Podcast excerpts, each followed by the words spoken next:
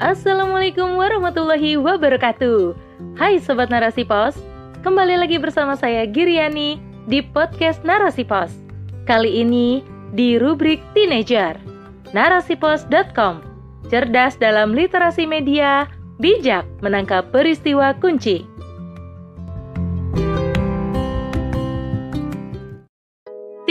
ayat Al-Quran dihapus.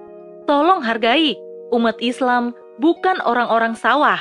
Oleh Ana Nazahah. Besti, sudah dengar belum soal pendeta yang meminta ayat Al-Quran dihapuskan? Aneh-aneh saja ya permintaan si pendeta ini. Kita yang beragama muslim speechless jadinya. Terlihat sekali di sini bahwa Islam sebagai agama mayoritas direndahkan. Mungkinkah ini terjadi imbas dari Menteri Agama yang kerap menyudutkan umat Islam, sehingga non-Muslim mulai berani menista kitab suci umat Islam, bahkan meminta dihapuskan. Perlu dipahami, Besti, di dalam Islam, toleransi itu adalah sikap menghargai, atau dengan kata lain, lapang dada, membiarkan saudara non-Muslim melaksanakan aktivitas ibadahnya menurut keyakinan masing-masing. Dan Allah Subhanahu wa Ta'ala sendiri telah menegaskan hal itu sebagaimana yang tertera dalam surah Al-Kafirun ayat 6 yang artinya untuk kalian agama kalian dan untukku agamaku. Ayat di atas adalah perintah syara, di mana setiap muslim diwajibkan untuk menaati perintah tersebut, yang artinya beresiko dosa loh jika dilanggar. Nah, karena itu Besti, umat Islam di mana pun berada senantiasa bersikap toleransi terhadap non-muslim, dan ini telah menjadi budaya umat Islam sepanjang sejarah peradabannya, yang telah berlangsung selama berabad-abad silam. Sejarah telah membuktikan kaum muslim hidup berdampingan dengan non-muslim sejak Rasulullah Shallallahu alaihi wasallam membangun daulah Islam di Madinah hingga runtuhnya institusi Islam pada tahun 1924. Namun, setelah umat Islam kehilangan perisainya ini, umat mulai menjadi objek tertuduh. Sikap superior penjajah telah menjadikan umat Islam sebagai kambing hitam di bawah hegemoni kapitalisme. Umat Islam dituduh anti toleransi, anti sosial, anti agama, sekaligus dituduh pelaku anarkis dan teroris. Sebenarnya ada banyak sekali tuduhan ngawur yang disematkan Barat terhadap umat Islam. Salah satunya tuduhan terorisme dan radikalisme.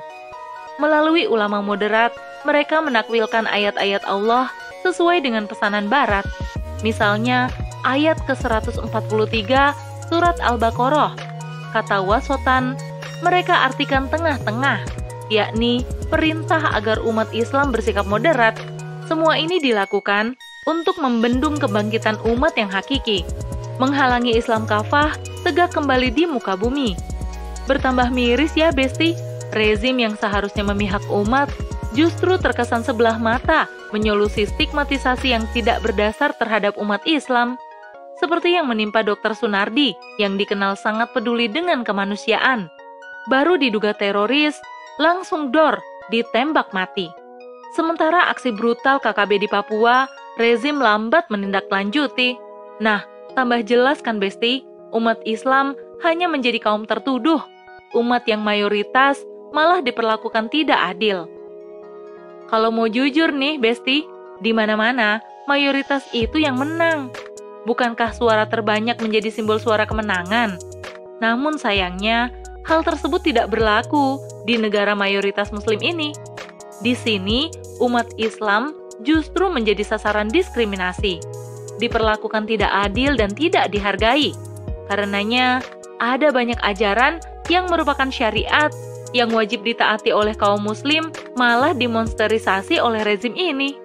Seperti ajaran khilafah, jihad, dan juga dakwah. Dihapus ajarannya dan dibungkam yang mendakwahkannya. Sungguh, ini lucu sekali.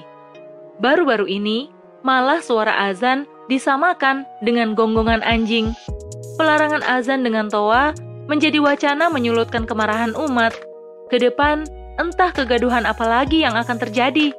Jika rezim berani mendiskriminasikan ajaran mayoritas umat bangsa ini, maka wajar jika non-muslim yang minoritas pun berani. Tak tanggung-tanggung, yang diminta kali ini adalah menghapus 300 ayat Allah yang diduga memicu terorisme. Wah, jelas ini tergolong tindakan penghinaan.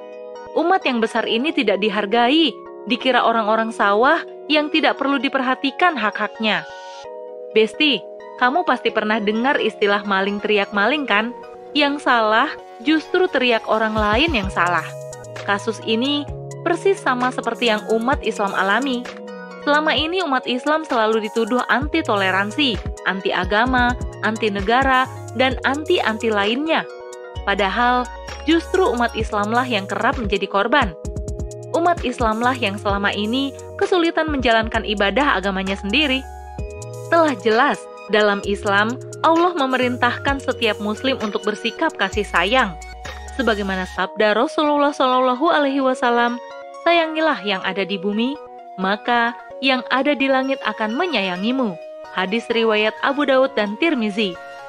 Sikap kasih sayang ini tidak ditujukan untuk sesama manusia saja, namun juga hewan, tumbuh-tumbuhan yang hidup di muka bumi ini. Maka aneh sekali ya Besti, jika umat Islam malah dituduh teroris, penyebar paham radikalisme, pemicu permusuhan dan perpecahan, juga dituduh anti agama dan anti toleransi. Karena justru Islamlah yang memerintahkan toleransi, memerintahkan menghargai ibadah agama lain, memerintahkan persatuan umat, memerintahkan menjalin persaudaraan meskipun dengan non-muslim. Sebagaimana sejarah Rasulullah wasallam memosisikan kafir zimi.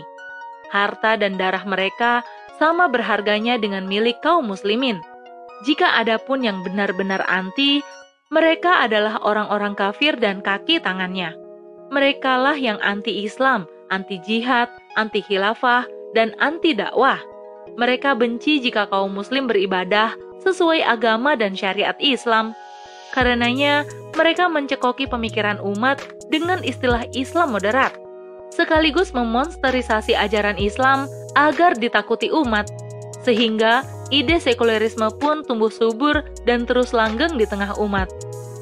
Ketahuilah Besti, Islam bukanlah kehinaan, namun ia adalah agama kemuliaan. Tidak layak untuk dijadikan objek hinaan dan direndahkan oleh siapa pun juga. Karena itu, Besti, seharusnya kondisi ini menyadarkan kita. Selama kita masih dibayang-bayangi oleh sistem hegemoni barat yang berkuasa, maka kemuliaan umat akan terus terinjak, sementara rezim tidak mampu berbuat apa-apa selain memperparah inferioritas yang menimpa umat berbangsa. Cukupkan dan sudahi segala hinaan yang dialami umat. Kita kembalikan marwah kita, berdakwah dengan serius, memahamkan sesama, akan pentingnya berhukum dengan hukum Allah saja. Karena di bawah sistem Islam, satu-satunya payung hukum yang mampu membuat umat dihargai. Di bawah panji keagungan Islam, yakni khilafah Islamiyahlah, umat bisa hidup mulia serta bermartabat. Wallahu a'lam bisawab.